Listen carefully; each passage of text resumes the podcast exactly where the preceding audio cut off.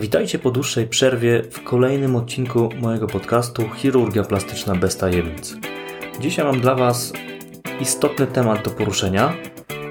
Temat ten to dysmorfofobia, inaczej Body Dysmorphic Disorder. Jest to zagadnienie, które dotyczy zarówno chirurgów plastycznych, jak i pacjentów, nawet psychiatrów. Dlatego temat ten jest y, no, moim zdaniem dość istotny do, e, do, do zrozumienia i do poruszenia w dyskusji jakby w ramach, w ramach tego podcastu.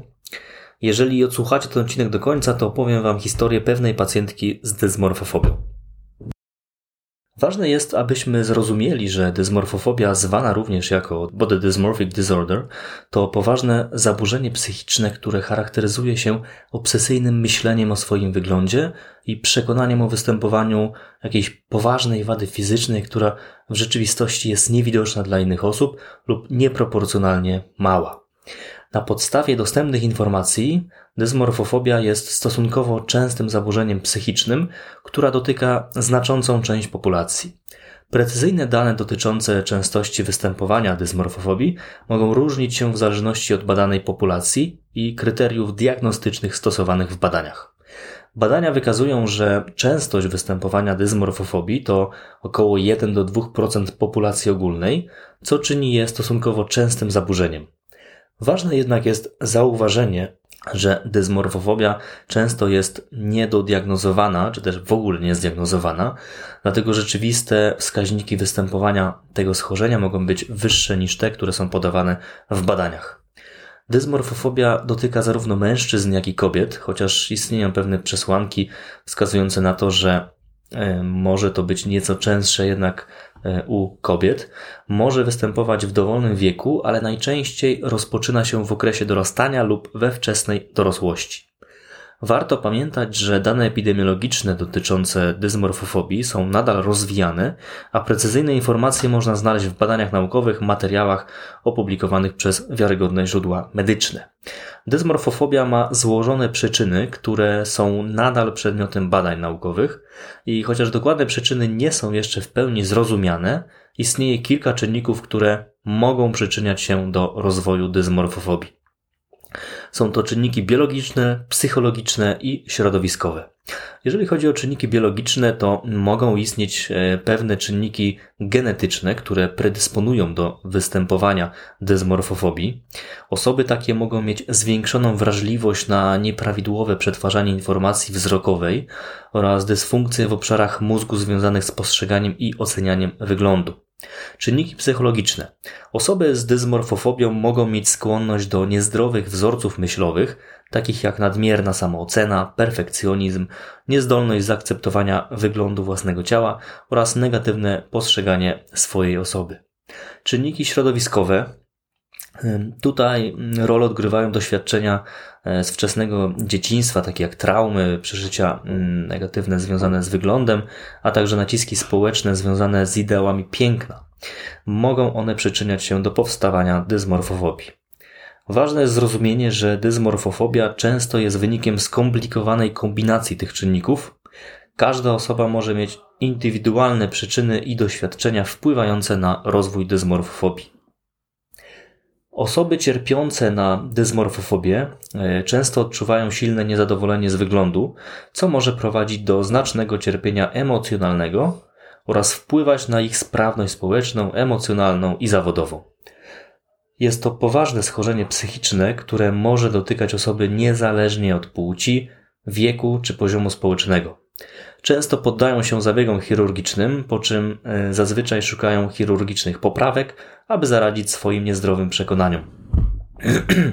Osoby z dysmorfofobią mają obsesyjne myśli dotyczące swojego wyglądu, często skupiając się na mm, drobnych efektach, które inni, e, których inni nie dostrzegają, takie jak e, niewielkie niedoskonałości skórne, najdrobniejsze asymetrie twarzy czy drobne defekty ciała. Te myśli są głęboko zakorzenione i powodują poważne cierpienie emocjonalne, które może prowadzić do izolacji społecznej, depresji, lęków i e, w efekcie nawet myśli samobójczych. Często osoby z dysmorfofobią próbują ukrywać swoje defekty poprzez unikanie sytuacji społecznych, e, nadmierne korzystanie z kosmetyków, operacje plastyczne, mm, czy też obserwowanie swojego wyglądu w lustrze przed, przez zbyt długi czas. Zaburzenia dysmorfofobiczne mm, nie są zwykłym niezadowoleniem z wyglądu, lecz mamy tutaj do czynienia z patologicznym przekonaniem, które ma ogromny wpływ na jakość życia osoby cierpiącej na to schorzenie. Warto zauważyć, że dysmor dysmorfofobia nie jest związana z powierzchownością czy płytkością, ale jest to mm, choroba psychiczna, która wymaga profesjonalnej opieki, takiej jak terapia poznawczo-behawioralna, leki przeciwdepresyjne, czy też połączenie mm, obu metod.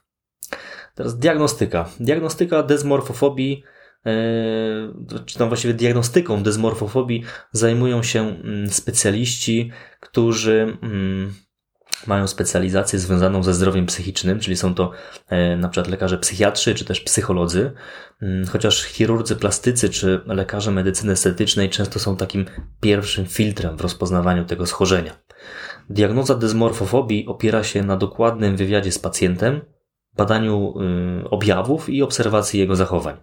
Terapeuci i lekarze mogą również wykorzystywać różne narzędzia diagnostyczne, takie jak kwestionariusze oceny y, objawów e, dysmorfo, dysmorfofobii, aby pomóc w potwierdzeniu i w postawieniu diagnozy. Przykładem takiego narzędzia może być e, Body Dysmorphic Disorder Questionnaire, który zawiera pytania dotyczące różnych aspektów tego zaburzenia, takich jak e, obsesyjne myśli dotyczące wyglądu, kompulsywne zachowania związane z wyglądem oraz e, wpływ tych myśli i zachowań na życie codzienne. Ważne jest, aby mm, diagnozę postawił doświadczony profesjonalista, ponieważ zaburzenie to może być łatwo mylone z innymi zaburzeniami, takimi jak depresja, zaburzenia lękowe e, czy zaburzenia odżywiania. Terapeuta lub lekarz e, przeprowadzi analizę objawów, historii pacjenta mm, i oceni ich wpływ na funkcjonowanie e, osobiste, społeczne i zawodowe.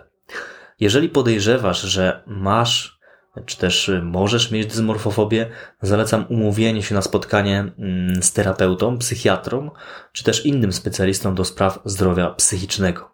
W dzisiejszych czasach wybranie się do psychiatry to żaden wstyd, a skutki nieleczonych zaburzeń psychicznych mogą być naprawdę tragiczne w skutkach.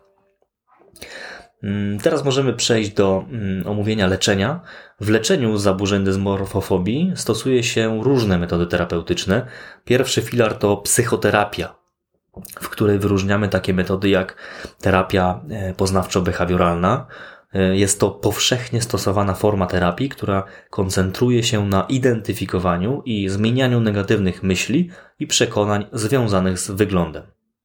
Terapeuta pomaga pacjentowi zrozumieć, że ich wyobrażenie o sobie jest zniekształcone i wspiera ich w rozwijaniu zdrowszych strategii mm, radzenia sobie e, z tego typu problemami. Terapia poznawcza jest to kolejna forma terapii, yy, która skupia się na identyfikowaniu i modyfikowaniu myśli i przekonań, które podtrzymują zaburzenie. Terapeuta pomaga pacjentowi rozpoznać automatyczne myśli i przekonania związane z wyglądem, a następnie wprowadza zdrowsze i bardziej realistyczne alternatywy. Kolejna forma terapii to terapia poznawcza oparta na uważności. Ta forma terapii łączy elementy terapii poznawczej i techniki uważności. Generalnie metody stosowane w psychoterapii to bardzo szeroki temat, który mm, gdybyśmy chcieli omówić, to wykroczylibyśmy poza tematykę tego podcastu i jeżeli ten temat Wam się podoba, dajcie mi znać, a postaram się wówczas zaprosić mm, specjalistę psychiatrii, z którym będziemy mogli omówić no, tego typu zaburzenia. E, w terapii możemy wyróżnić także terapię farmakologiczną, w których e, i jakby w niektórych przypadkach może być ona zalecana. E, I tutaj mamy takie leki jak selektywne inhibitory wychwytu zwrotnego serotoniny, czyli popularne SSRI, czy też leki przeciwlękowe, które mają za zadanie łagodzić objawy dysmorfofobii. Leczenie takie powinno być prowadzone oczywiście przez odpowiedniego specjalistę, czyli przez lekarza psychiatrę. Po wyborze odpowiedniej metody terapeutycznej istotne jest dostosowanie jej do indywidualnych potrzeb i preferencji pacjenta. Optymalnym rozwiązaniem może być również połączenie różnych podejść terapeutycznych w celu osiągnięcia najlepszych wyników. Ważne jest również, aby pacjenci z dysmorfofobią otrzymali wsparcie emocjonalne i informacje na temat zaburzenia zarówno od terapeuty, jak i od bliskich osób. W przypadku dysmorfofobii pacjenci mogą często poddawać się nadmiernej liczbie operacji plastycznych, wierząc, że ich niedoskonałości zostaną w ten sposób naprawione. Jednak zamiast poprawić swoje samopoczucie i akceptację własnego ciała, pacjenci ci często osiągają tylko tymczasową ulgę lub doświadczają wręcz pogorszenia objawów związanego z kondycją psychiczną. Z punktu widzenia naszej specjalności, jaką jest chirurgia plastyczna, zwrócenie uwagi na ryzyko niezadowolenia z rezultatów zabiegu u osób z zaburzeniami e, dysmorfofobii jest bardzo istotne. Osoby z dysmorfofobią mają tendencję do skupiania się na wyimaginowanych lub niewielkich defektach swojego wyglądu, co może prowadzić do nierealistycznych oczekiwań. Pacjenci ci często doświadczają tak zwanej niezgodności wyobrażeń, co oznacza, że ich percepcja własnego wyglądu jest znacznie zniekształcona w porównaniu z rzeczywistością. I nawet jeżeli operacja plastyczna zostanie wykonana poprawnie, pacjenci nadal mogą nie być zadowoleni z rezultatu, ponieważ skupili się na nieistniejących wadach. To może prowadzić do intensyfikacji objawów dysmorfofobii i wzmocnienia przekonania, że coś jest nie tak z ich wyglądem. Ponadto osoby z dysmorfofobią często mają trudności ze skupieniem się na pozytywnych aspektach swojego wyglądu i akceptacją samego siebie. I nawet jeżeli operacja plastyczna poprawiłaby rzeczywiste defekty, pacjenci mogą nadal odkrywać nowe wady, czy też koncentrować się na detalach, które są niezrozumiałe dla innych osób. To może prowadzić do ciągłego niezadowolenia i poszukiwania kolejnych zabiegów, co nie jest konstruktywnym podejściem. Aby zminimalizować ryzyko niezadowolenia mm, z rezultatu zabiegów u osób z dysmorfofobią, ważne jest przeprowadzenie odpowiedniej oceny i zebranie dokładnego wywiadu przed podjęciem decyzji o operacji plastycznej. Specjaliści z zakresu zdrowia psychicznego, tak jak terapeuci, zajmujące się terapią poznawczo-behawioralną w leczeniu dysmorfofobii mogą pomóc pacjentowi w zrozumieniu i zarządzaniu swoimi myślami i oczekiwaniami związanymi z wyglądem. Dla nas, chirurgów plastycznych, konsultacja z takim pacjentem jest dużym wyzwaniem. Istotne jest, aby chirurg potrafił poprowadzić szczerą rozmowę z takim pacjentem, wyjaśnić realistyczne cele i rezultaty oraz omówić e, możliwości innych form leczenia, takich jak terapia psychologiczna. Oczywiście domyślacie się, że bardzo trudne jest zrobienie tego w taki sposób, żeby takiego pacjenta nie urazić. Komunikacja i współpraca między terapeutą, e, chirurgiem plastycznym, a pacjentem są kluczowe dla zapewnienia odpowiedniego wsparcia emocjonalnego oraz zminimalizowania ryzyka niezadowolenia z rezultatu zabiegów u osób z zaburzeniem dysmorfofobii. Mm, no i teraz warto mm, też poruszyć e, temat, co z osobami e, jakby z najbliższego otoczenia takich osób. Być może jesteś osobą, która ma w swoim najbliższym otoczeniu osobę, u której podejrzewasz dysmorfofobię. Oto kilka wskazówek dotyczących pomocy i zrozumienia dla bliskich osób cierpiących na e, zaburzenia dysmorfofobii. Edukuj się na temat dysmorfofobii. Początek to zrozumienie samego zaburzenia, Zapoznaj się z informacjami na temat dysmorfofobii, aby poznać objawy, przyczyny i skutki tego zaburzenia. Im lepiej zrozumiesz dysmorfofobię, tym łatwiej będzie Ci pomóc i być wsparciem dla takiej osoby. Po drugie, bądź empatyczny i opanowany. Pokaż empatię i zrozumienie wobec trudności, z jakimi boryka się osoba cierpiąca na dysmorfofobię. Słuchaj ich bez osądzania i wyrażaj zainteresowanie ich uczuciami. Nie bagatelizuj ich doświadczeń i nie kwestionuj ich uczuć. Wykaż wsparcie emocjonalne. Udzielaj swojej bliskiej osobie wsparcia, dając jej do zrozumienia, że jesteś tu dla niej i gotowy jesteś wesprzeć ją w trudnościach. Zachęcaj do szukania profesjonalnej pomocy i wspieraj ją w procesie terapii. Unikaj komentarzy dotyczących wyglądu. Unikaj takich komentarzy, które mogą wzmocnić niezdrowe przekonania, czy też pogłębić e, objawy dysmorfofobii.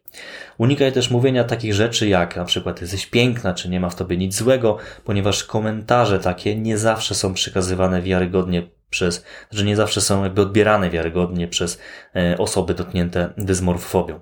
Skup się na pozytywnych aspektach. Pomaga osobie z dysmorfofobią skupiać się na mm, jakby pozytywnych cechach e, nie wiem, siebie, swojego życia. Wspieraj ją w odkrywaniu i kultywowaniu swoich mocnych stron i pasji. Pomóż jej zauważać codzienne sukcesy i celebrujcie je razem. Nie staraj się naciskać na osobę z dysmorfofobią, aby zmieniała swoje przekonania lub postrzeganie siebie. Zamiast tego wspieraj ją w podjęciu terapii i leczeniu. Kolejna rzecz to bądź cierpliwy. Leczenie dysmorfofobii może być procesem czasochłonnym i może wymagać czasu i cierpliwości. Bądź gotowy na to, że proces ten może być e, długi, a postępy mogą być stopniowe. Bądź dobrej myśli i upewnij się, że osoba cierpiąca na dysmorfofobię czuje Twoje wsparcie na każdym etapie. Pamiętaj, że dysmorfofobia jest poważnym zaburzeniem i najlepiej jest zachęcać takie osoby do szukania profesjonalnej pomocy. Terapia poznawczo-behawioralna jest często skutecznym podejściem w leczeniu dysmorfofobii. Wspieranie i zrozumienie ze strony bliskich osób może odegrać ważną rolę w procesie leczenia. Na koniec chciałbym opowiedzieć Wam historię o pewnej pacjentce. Pewnego dnia na konsultacji mm, w, w moim gabinecie pojawiła się pani, dajmy na to Kasia.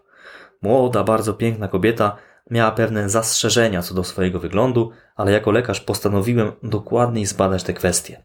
W trakcie konsultacji zauważyłem, że pani Kasia ciągle ogląda się przed lusterkiem pod różnymi kątami, zwraca uwagę na nieznaczną asymetrię powiek, brwi, dla większości osób pewnie niezauważalną.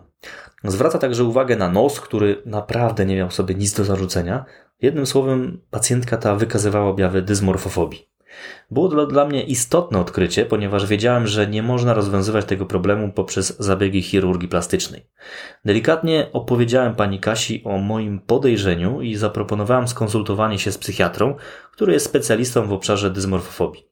Wyjaśniłem, że ważne jest zrozumienie przyczyn jej niezadowolenia z wyglądu i znalezienie najbardziej odpowiedniego rozwiązania dla niej. Niestety, jak się pewnie domyślacie, pani Kasia nie była zadowolona z mojej sugestii, nawyzywała mnie, po czym wstała i obrażona trzasnęła drzwiami. Jednak jako lekarz moim celem jest zawsze zapewnić pacjentom najlepszą opiekę. Kilka miesięcy później pani Kasia zaskoczyła mnie pozytywnie. Wróciła do mojego gabinetu pełna wdzięczności. Okazało się, że postanowiła zasięgnąć porady psychiatry. Spotkanie z tym specjalistą pomogło jej zrozumieć, dlaczego odczuwała takie niezadowolenie z wyglądu. Pani Kasia podziękowała mi, że dobrze zrozumiałam jej sytuację i skierowałam ją do odpowiedniego lekarza. Przyznała, że terapia, którą otrzymała od psychiatry, pomogła jej zaakceptować siebie i poprawić jej samoocenę. Choć finalnie nie przeszła oczywiście żadnego zabiegu chirurgicznego zmieniającego jej wygląd, to zmiana w jej podejściu do siebie była niezwykle pozytywna. Ta historia nauczyła mnie, jak ważne jest wsłuchanie, wsłuchiwanie się w pacjentów i podejmowanie trafnych decyzji medycznych. Przekierowanie pani Kasi do psychiatry pomogło jej rozwinąć lepszą relację z własnym ciałem i zyskać pewność siebie. Jako lekarz moim celem zawsze mm, jest uczynić to, co jest najlepsze dla pacjentów. Nie tylko poprzez zabiegi, ale także przez współpracę z innymi specjalistami. I na tej historii kończymy dzisiejszy odcinek. Dziękuję za wysłuchanie i do usłyszenia w następnym odcinku.